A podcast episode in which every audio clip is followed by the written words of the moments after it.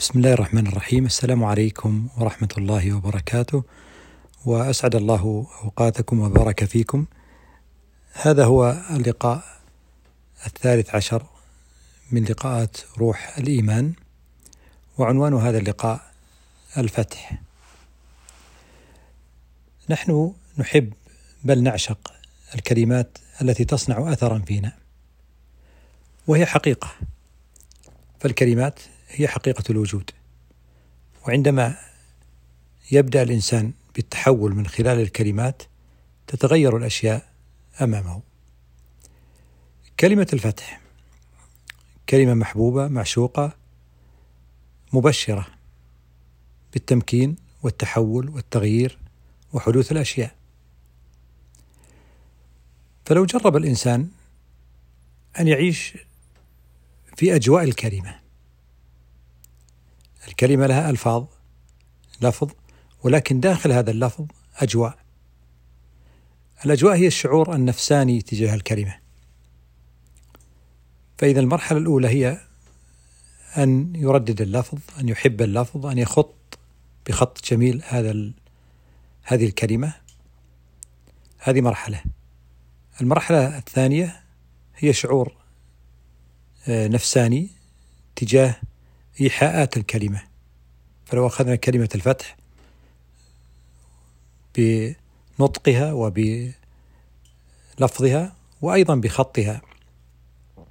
حتى لو بحث الإنسان عبر التقنية على فنون الخط في كلمة الفتح.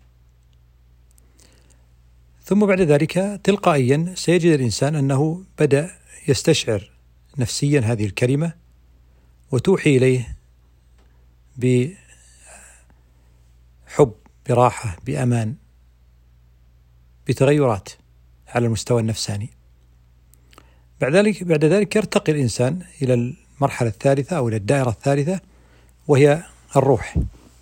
فيبدأ يردد الآيات التي فيها الفتح أو يكون في حضور كامل مع سورة الفتح. لأن فيها ذكر الفتح المبين وفيها النصر والتمكين وفيها السكينة وفيها الفتح القريب وفيها الفضل العظيم والمغفرة التامة.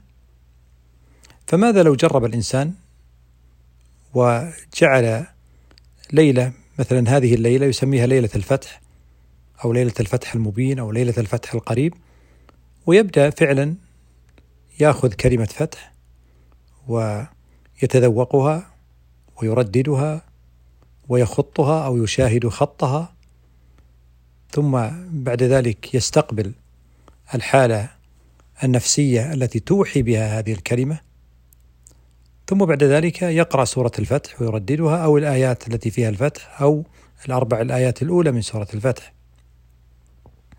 حتى يتمكن الإنسان من هذه الدوائر الثلاث كلها وهذا تمرين عام في كل في كل الكلمات المفتاحية تسمى الكلمات المفتاحية. مثل كلمة النور مثلا. آه، فيقوم الإنسان بهذه التجربة. حتى تصفو لك هذه التجربة وتصبح تجربة فعلا آه، تجد أثرها. يتخلص الإنسان من المقارنات ومن التوقعات. لأن الإنسان في هذه التجربة يقوم بتجربة روحية مع الله عز وجل هو الفتاح المبين. هو الفتاح العليم هو الذي يمكنك. فلا توقعات مع الله ولا مقارنات مع الله. فإذا دخل الإنسان صافيا نقيا طاهرا عن التوقعات والمقارنات يجد الأثر. أما لما يبقى يردد صورة هذا التدريب وهذا التمرين الروحي ولكن هو عالق في المقارنات وعالق في التوقعات فإنه سينشغل بنفسه ولن يكون واصلا مع تجربته ومع أوراده التي يقوم بترتيلها وأدائها. لذلك يستعيذ الله يستعيذ الإنسان بالله من ظنونه ومن توقعاته ومن مقارناته لأنها لا تعطي شيء. والعطاء الإلهي والفضل الرباني أعظم وأقوى وأسرع من كل التعلقات ايا كان شكلها فيمكن الانسان فعلا أن يبدأ بحياته بتجارب روحية وأن لا يبقى فقط رهين تجارب آه، ما ما هو أقل من التجارب الروحية. ولكل إنسان تجربته ولكل إنسان طريقته ولكل إنسان وجده الذي سوف يجده من خلال هذه التجربة. ما هو إلا نحن ندل على بعض التجارب التي قام بها أناس ووجدوا لها أو شيء وجد الإنسان أنس وراحة وأمان داخلي أن يقوله لغيره ويفعله هو بنفسه والله سبحانه وتعالى يجري لكل إنسان مواهبه وفضله وكرمه وإحسانه وعطاءه.